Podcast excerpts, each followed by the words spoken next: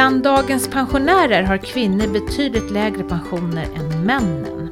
Och det beror inte bara på att de har jobbat med lägre löner. Kvinnor går i mycket högre utsträckning än män ner i arbetstid eller slutar att arbeta helt och hållet för att ta hand om sina anhöriga. Priset för den vården är lägre pension. Men det behöver inte vara så. Idag tänker vi prata om det här, hur pensioner kan påverkas och vad du som anhörigvårdare kan göra för att förbättra dina egna ekonomiska framtidsutsikter. Och gäst i studion är Jenny Wiener, hälsoekonom på Skandia. Hej och välkommen hit! Tack så mycket! Väldigt kul att ha dig här. Berätta, vad gör du på Skandia? Det låter ju som en väldigt rolig titel. Ja, eh, och det är ju lite blandat vad jag gör faktiskt. Eh, men jag jobbar brett i hälsofrågorna utifrån många olika perspektiv. Och fokus är ju att vi ska jobba mer förebyggande för det är himla mycket man kan förbättra idag. Och att eh, vi ska vara, eller är en viktig aktör för att fler ska kunna fortsätta ha en bra hälsa och färre ska bli sjukskrivna. Mm. Och det är viktigt för Skandia, att det, eller för försäkringsbranschen egentligen, att ja, det är så. Mm. Det är jätteviktigt och det ligger ju i, i vårt DNA att förutse och, och förebygga mm. och titta på just risker och vad kan man göra för att det inte ska uppstå en skada eller en mm. sjukskrivning. Mm. Mm. Kul, det ska bli jättespännande det här avsnittet tycker jag. Och med oss i studion har vi också vår pensionsexpert, Kristina Kamp. Hej! Hej, hej! Nu med ny titel. Ja, just ja, expert numera. Ja. Inte pensionsekonom Nej. längre? Nej. Nej. Nästan pensionär. Ja, jobbonär. ja, jobbonär. kanske vi också kan lägga till på, ja. på titeln där. Ja. Och så hör ni ju mig också, Maria Eklund. Men Jenny, du har skrivit en rapport om det här och den heter Nära och kära. Det stämmer. Ja. Eh, varför, eh, varför har du gjort det och vad vill du lyfta med den? Ja, men vi på Skandia tycker ju att den här frågan förtjänar väldigt mycket mer uppmärksamhet. Och det är ju faktiskt så att så många som 1,2 miljoner personer i Sverige idag är just anhörigvårdare. Och det tror jag att många inte känner till. Så att vi har valt att lyfta den för att den är viktig och den påverkar också människor eh, mer än vad man kan tro. Ekonomiskt menar du eller på andra sätt också? Jag menar både ekonomiskt och sen så påverkar den det generella måendet och förutsättning för eh, hållbart arbetsliv. Mm. Det vill säga att om du vårdar en anhörig så blir du till slut sjuk själv eller? Det finns risk för det ja. och eh, det kan man också se utifrån olika parametrar som jag kommer in på lite mm. längre fram. Mm. mm. Hur ser en typisk anhörigvårdaren ut då? Ja, i vår rapport har vi valt att titta på olika grupperingar där eh, anhörigvårdare då dels kan vara eh, att man eh, vårdar föräldrar som är en stor grupp, den största gruppen om man tittar totalt sett. Sen kan det också vara så att man vårdar gruppen make, maka, partner och också barn. Och här tittar vi både på barn under 18 år och barn över 18 år. För det man tittar på är relationen till den som är anhörigvårdare. Och sen kan man ju också vårda till exempel syskon, släkting, god vän, granne. Men den allra största gruppen som man vårdar är alltså föräldrar. Men eh, Utifrån olika åldersfördelningar så tittar vi också på att eh, här finns det stora skillnader. Och jag tycker det är väldigt intressant att se att i den lägre åldersgruppen, alltså 30 till 44 år, där är det alltså lika många som vårdar föräldrar som vårdar barn. Mm. Då kan det ju också vara vuxna barn. Mm. Men, men för, för, vad menar vi då? För att jag menar, man kan också tänka sig, ja alla föräldrar vårdar väl sina barn. Alltså, räknar vi in den gruppen också? Eller, eller det här, vad menar vi med vårda barn? Ja, det är inte när man vabbar för en föräldraning utan det är ett barn som har ett utökat vårdbehov. Ja. Mm. Och det kan ju vara till exempel olika sjukdomar som ligger till grund för det. Och så. Mm. Mm. Men jag tror att många kanske inte vet att den gruppen är så stor. Det är ju Nej. också så att ett mm. barn som har en sjukdom kan ju vara en sjukdom som, som håller i sig så säga, väldigt, väldigt lång tid. Mm. Och det är klart att det blir en ytterligare belastning. Ja, psykisk ohälsa tänker jag också på.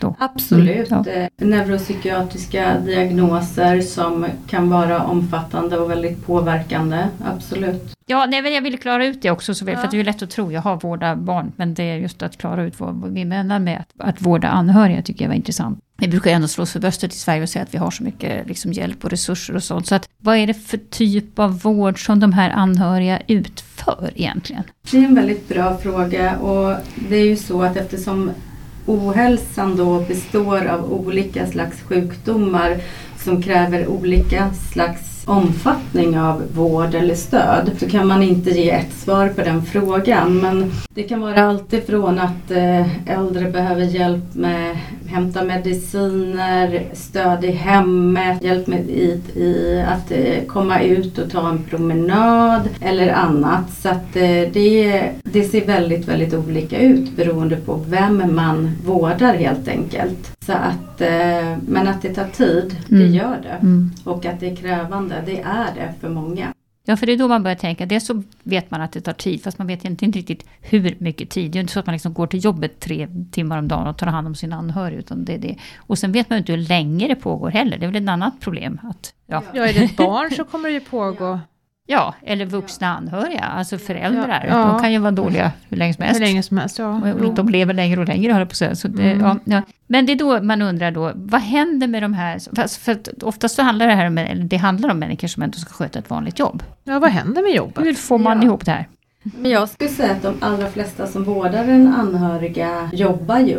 Och då är det ju så att vi brukar oftast prata vad det gäller eh, den totala belastningen att det består ju både i att man ska prestera på jobbet och sen så i hemmiljö eller privatlivet. Och det är ju såklart så här att om man har en bägare och fyller den med vatten, någonstans har man en tipping point eller när det rinner mm. över. Man fyller på och fyller på belastning. Men att man inte fyller på i andra änden eller tappar bort vatten. Så att det handlar ju faktiskt om återhämtningen. Så att när det blir för mycket under för lång tid det är ju då det kan bli riktigt stora konsekvenser av att man till exempel då vårdar en anhörig. Och eh, jag tror att det är också så att det är så pass många som blir så påverkade att man behöver gå ner till deltid beroende mm. av att man vårdar anhöriga. I Sverige är det 18 000 personer mm. och eh, tittar vi i könsfördelning på den siffran så är det ju 82 procent som är kvinnor. Oj, oj, oj, oj, Och det är inte så att det är en liten skillnad av mm. den här fördelningen utan jag skulle säga att den är betydande. Det är en enorm skillnad och det här är skevt att det ser ut mm. som det gör. Men den bilden som vi har i detta den bekräftar ju redan det som vi vet sedan tidigare att, att kvinnor tar ett större ansvar för familjen.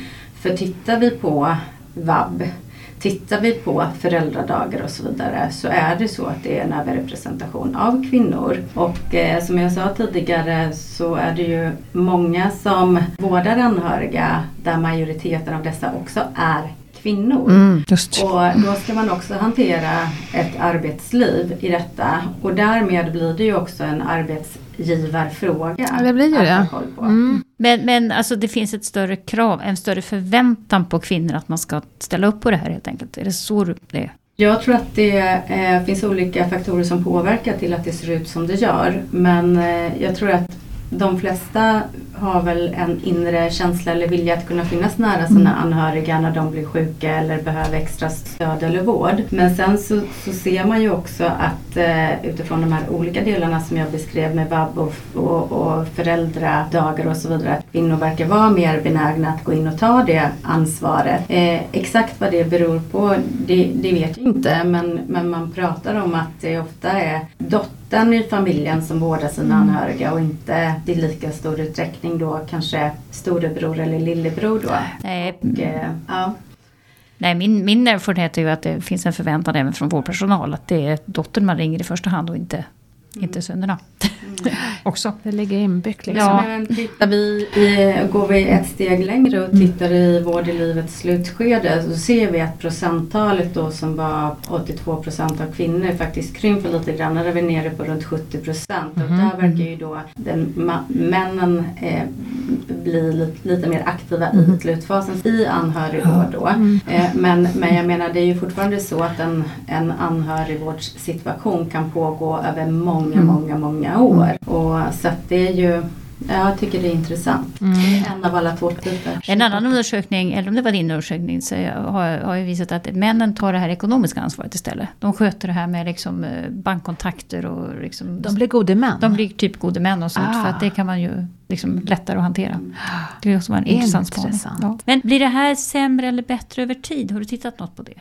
Eller har vi liksom det som det alltid har varit och kommer det vara så här? Ja, jag hade hoppats att jag hade kunnat säga att jag mm. tror att det här kommer bli bättre med tiden, den här situationen, att det ser ut som det gör. Men Men jag tror nog inte vi ärligt kan säga att, eh, att behovet av anhörigvård kommer minska. Mm. För människor runt omkring oss blir sjuka och någon behöver ju göra det jobbet som krävs. Men de flesta vill ju såklart vara delaktiga också. Men Samtidigt så tror jag att många skulle välkomna en avlastning i det här så att det inte blir så omfattande och att det också skulle öka på chanserna att kunna hålla sig på banan för den som är anhörigvårdare mm. att orka mm. i längden. Eh, och jag tänker lite utifrån olika perspektiv, både samhällsperspektiv, arbetsgivarperspektiv, individperspektiv och tittar vi utifrån samhällets ansvar i det här så, så önskar jag ju såklart att eh, man kan ha ett mer riktat utökat stöd för avlastning från mm. samhällets sida. Eh, och det är ju så att när någon behöver betala för det här så måste det också finnas resurser också på plats för att utföra det här jobbet. Och eh, om vi ska titta med öppna ögon på, på det så eh, ser det ju inte jätteljust ut både inom vården när vi tittar på inom regionerna men också på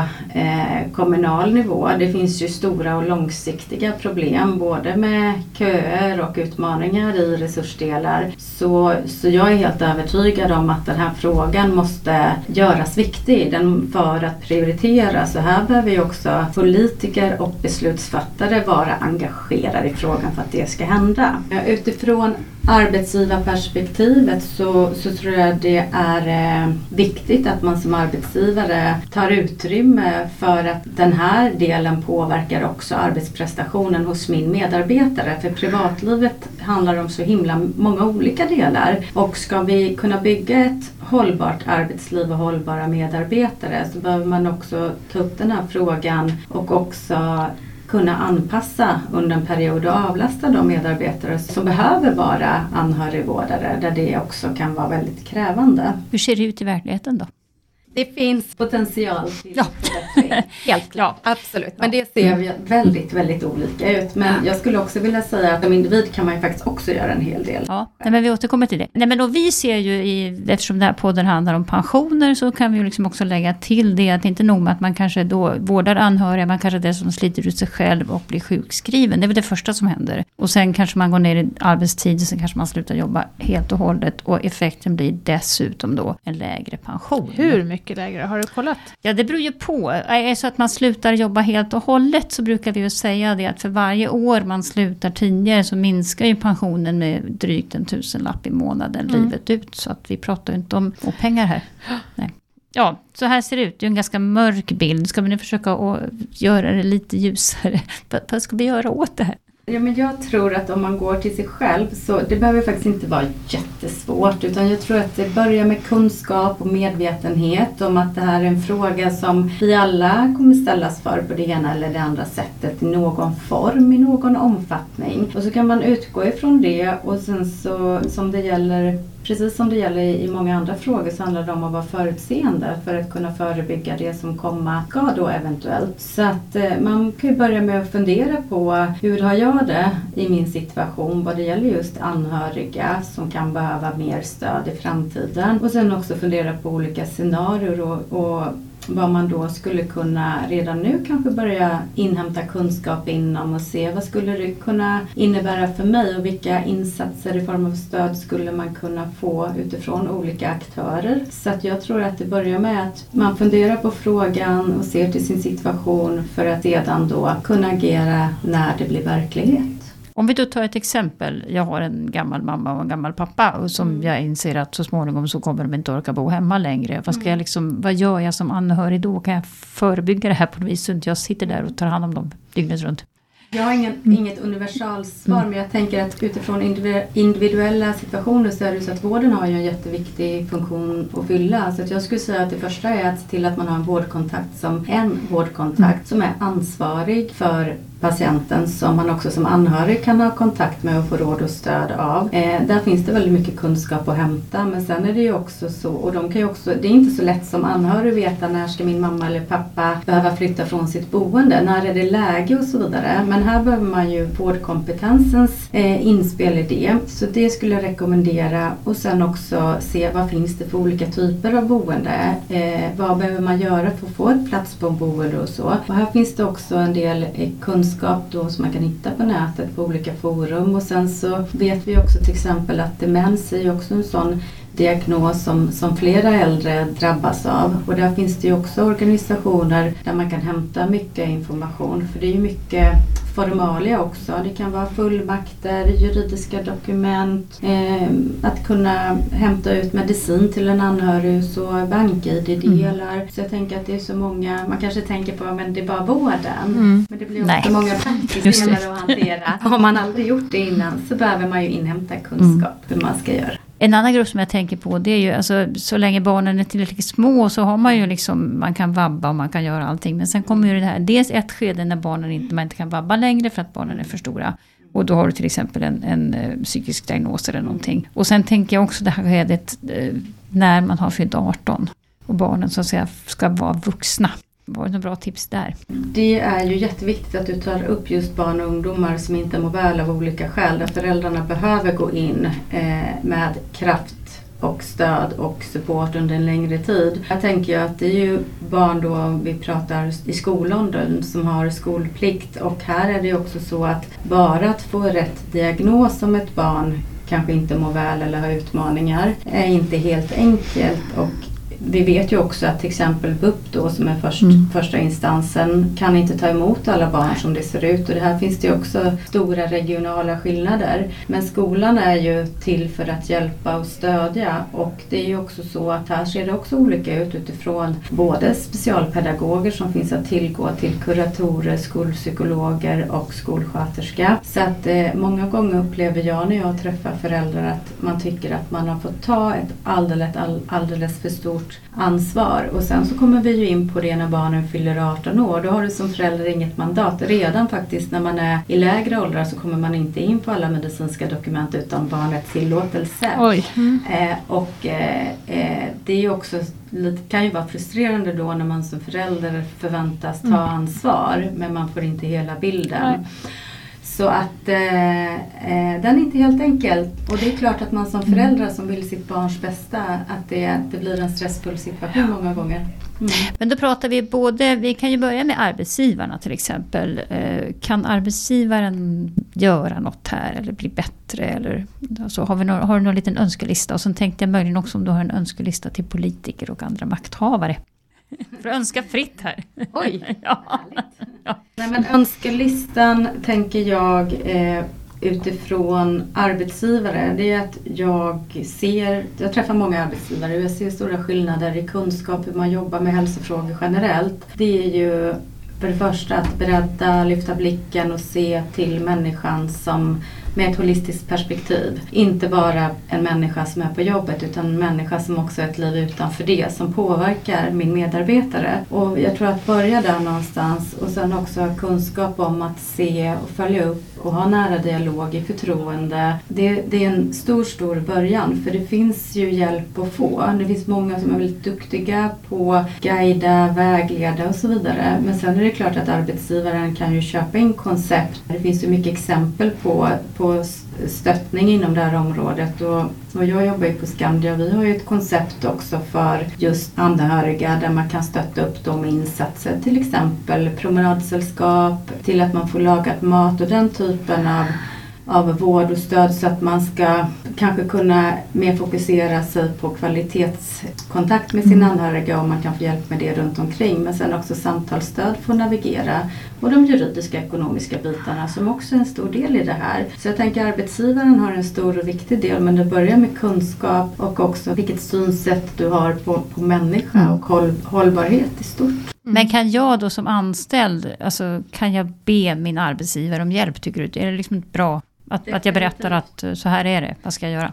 Definitivt. Mm. Jag, jag, jag, är ganska övertygad om att det börjar med att man har en transparent dialog där man vågar också som medarbetare tala om hur läget faktiskt är. Och då hoppas ju jag att det finns en chef på andra sidan som tar det här på största allvar med en tacksamhet och ödmjukhet för att kunna möta upp. För det finns mycket att göra och arbetsgivaren är faktiskt också skyldig att anpassa arbetsuppgifter utifrån hur personen mår. Sen kanske det är möjligt mer eller mindre utifrån var individen befinner sig någonstans. Men allt börjar med att man har en, en ärlig dialog tycker jag. Mm. Mm. Och arbetsgivaren har väl också tjänat på om personalen var bra. Arbetsgivaren sitter i samma båt egentligen som medarbetarna. För det är mm. ingen som tjänar på om någon underpresterar på jobbet eller blir sjukskriven. Och jag skulle också vilja säga att det tar väldigt mycket tid för vissa just det här eh, att vårda arbetsgivare. Var sjunde vårdare lägger så mycket som 30 timmar per vecka på anhörigvård och då mm. kanske man jobbar heltid samtidigt. Här kan vi snacka om dubbelarbete och då tänker jag hur ska man orka det i längden? Vi ser att sömnen blir påverkad och vi ser att arbetsprestationen blir påverkad och det är klart att man då arbetsgivare och vi vet att det här påverkar, då borde det ligga i arbetsgivarens intresse. Hur kan jag stötta upp då i det här? är ett nytt fenomen det här? Eller fanns det här på 70-80-talet också? Eller var, var samhällsstrukturen en annan då? Var, var, har det kommit smygande liksom? Det man kan säga på, på 70-talet, jag är själv född på 70-talet, då var det så att många kvinnor eh, var i högre omfattning hemma mm. eller jobbade deltid. Mm. Idag ska vi jobba heltid oftast men samtidigt ha kanske Så fick vi det här också. Ja. Mm. Och det ska vi veta också när vi jämför med andra länder nationellt så har ju Sverige en hög andel av kvinnor som jobbar just heltid. Mm. Men vi ligger också högt i sjukskrivningar mm. generellt vad det gäller psykisk ohälsa och kvinnor toppar ligan. Mm, det finns de som frågar mig, eh, det är konstigt varför ser det ut så här? Vi behöver ta reda på det. Jag vill mena att vi har ett pussel att lägga där varje pusselbit fyller en funktion och har en förklaring. Och det här med anhörigvård eller anhörigstöd, det är en pusselbit. För att människor funkar ganska lika egentligen. Och vi vet att om man har för mycket belastning och för lite återhämtning då går det ett tag. Men sen går det inte längre och det gäller både män och kvinnor. Mm. Där är det ingen skillnad. Mm. Mm. Nej, och sen förr hade du väl institutioner på ett annat sätt också. Nu är det mycket som ska vårdas i hemmet. Sen var det politikerna då. Mm. Vi går vidare här, önskelistan. Ja. ja, men som politiker skulle jag säga att eh, för det första behöver man ju ha kunskap och känna till att det här är faktiskt någonting som, som påverkar både möjlighet till intjäning och, och pension och höjer sjukskrivningstalen. Eh, och eh, det tror inte jag att alla vet om, att det är så många som är anhörigvårdare. Mm. Och sen så är det ju också så att eh, det behövs riktade insatser. Och sen så behöver allt inte vara komplicerat och kosta väldigt mycket pengar utan jag tänker också kunskap till anhöriga och samla det på ett ställe och omfattande så att man har lätt att navigera. Vi brukar ofta säga kanske att ah, det är så svårt att navigera i vården gör det inte så himla mycket enklare när man har äldre föräldrar upplever jag. Så att det finns väldigt mycket man kan göra som kanske inte kostar så mycket pengar. Sen är det klart att man måste säkerställa då eftersom demografin eh, ser ut som den gör och vi får fler och fler äldre så ska ju någon kunna avlasta och ta hand om dem. Och, och jag menar om inte det stödet finns då faller det ju på oss som anhöriga av naturliga skäl. Mm. Så jag skulle vilja säga att eh, det här är viktigt. Eh, vi behöver göra någonting och vi behöver göra det nu. Väldigt bra sagt. Jag har lite förslag också. Du har förslag? Ja. ja. ja men fråga jag, jag tänkte faktiskt det här med pensioner koppla mm. ihop. Om jag, om jag då har varit en sån som har tagit ett stort ansvar och gått ner i tid och sådär. Och det har påverkat min lön och det har påverkat min pension. Finns det någon, något stöd att få sen Kristina? Eller är jag en evig Jag skulle säga så här, att man kan ju rätta till i efterhand i så fall också. Jag tycker att ett råd som jag skulle vilja säga det är att även om man har en stor arbetsbörda och, och, och försök att hålla dig kvar på arbetsmarknaden. Tror jag är liksom mitt, mitt starkaste tips för att oftast så även äldre anhöriga ibland så går det ju liksom över och eh, även om de vårdar make och barn och alltihop. Eh, situationen kan förändras då kan det vara svårt att få tillbaka ett jobb om du har slutat. Om du har lämnat arbetsmarknaden helt och hållet så kan du i någon mån försöka, om du kan vara tjänstledig eller gå ner i deltid eller vad som helst, så tror jag att det är väldigt mycket värt. För att du kan ju också, vi har ju sagt det så många gånger, orkar du jobba några år till efteråt och så att säga vänta med att ta ut din pension så får du ju hem, räddar du ju hem rätt mycket av din pension som du kanske har förlorat på att jobba deltid många år. Sen har ju jag ett, ett önskemål till politiker. Ja, det, det, är ju liksom, vi har ju vård av barn, vi har ju vabben, men jag skulle ju vilja slå ett slag för vaffen, ja, vårda förälder. Eh, och då hör man ju ibland att ja, men det är väl, går väl inget bra för då kommer kvinnorna bara få göra ännu mera. Men, men eh, för det är då på rätt förälder, alltså du får bara vårda din egen förälder, så måste det väl bli någon slags 50% i fördelning, tänker jag. Mm. Alltså det är ju inga lätta saker och det handlar ju om pengar naturligtvis också. Men, men då tänker jag så här att man kanske också kan lena, tänka sig att om nu vi minskar den här gruppen som måste gå ner i arbetstiden, som blir sjuka själva och så, så kanske det inte behöver bli så hög prislapp. Men räcker en vecka? Det här känns ju som ett större problem. Kanske på början. Vad säger du? Nej, men det kan absolut vara en början och jag tänker att det börjar också med att vi börjar lyfta frågorna i olika forum så att det får lite attention och prioritet och att man förstår att det här är en del av helheten. Sen så vet vi ju att det, det tar ju lite tid oftast när förändring ska, ska komma till. Men jag tror, eller är övertygad om att det behövs stärkas upp inom det här området. Och jag tycker det är jättebra att vi ses här idag och, och pratar om de här mm. viktiga frågorna. Mm. Det är en början. Mm, det är det verkligen. Vad ska vi säga till männen då? De som sköter ekonomin, det var de ju bra på, men... men Ja, jag är inte här för att ge några pekpinnar till männen men det jag kan säga är att, eh, eller som man också ser att de kvinnor då som, som väljer att ta det här utökade ansvaret eh, för anhöriga och som har en man som kanske då inte, inte stöttar upp i eller har den här belastningen i samma omfattning i alla fall att om den, ens, ens fru då kanske behöver gå ner i deltid för att det ska bli hållbart att man ändå ser till att då kompensera mm. ekonomiskt för det pensionstappet. Det kan jag tycka. Det är väl en fair, en schysst början. Så. Lite grann så när man, som vi, som vi brukar prata om i början där av livet, när man får småbarn och så, att man, mm. kan, ja. man kan hjälpa varandra mm. lite grann. Mm. Och sen så tänker jag att jag, jag hoppas att man då inom, inom familjen kan få eh, en bra uppdelning i det och att vi ändå är på god väg. Men, men jag blev lite förskräckt när det var så pass stor skillnad som över 80 procent. Jag tyckte att det var, det var väldigt mycket faktiskt. Mm, håller med. Mm. Det är oroväckande mycket. Jag tänker på er rapport där som du pratade om, Nära och kära. Den vill jag läsa. Var hittar jag den? Den ligger på skandia.se rapporter. Mm. Har du, något, har du något mer på gång i ämnet? Ja, mm. det kommer spännande saker till hösten. Jaha! Berätta. Oh. Riktigt vad det är kan jag inte gå in på. Ja, du, du, kanske får komma tillbaka hit och prata mer känner jag. Tack, det gör jag jättegärna. Ja, ja. Tack för att du kom idag. Det har varit ett väldigt spännande samtal. Då Kristina, då är det dags för veckans fråga och den kommer ifrån en förtidspensionär som har provat att göra en prognos på min pension men tycker att den blir oroväckande låg. Ska han lita på prognosen?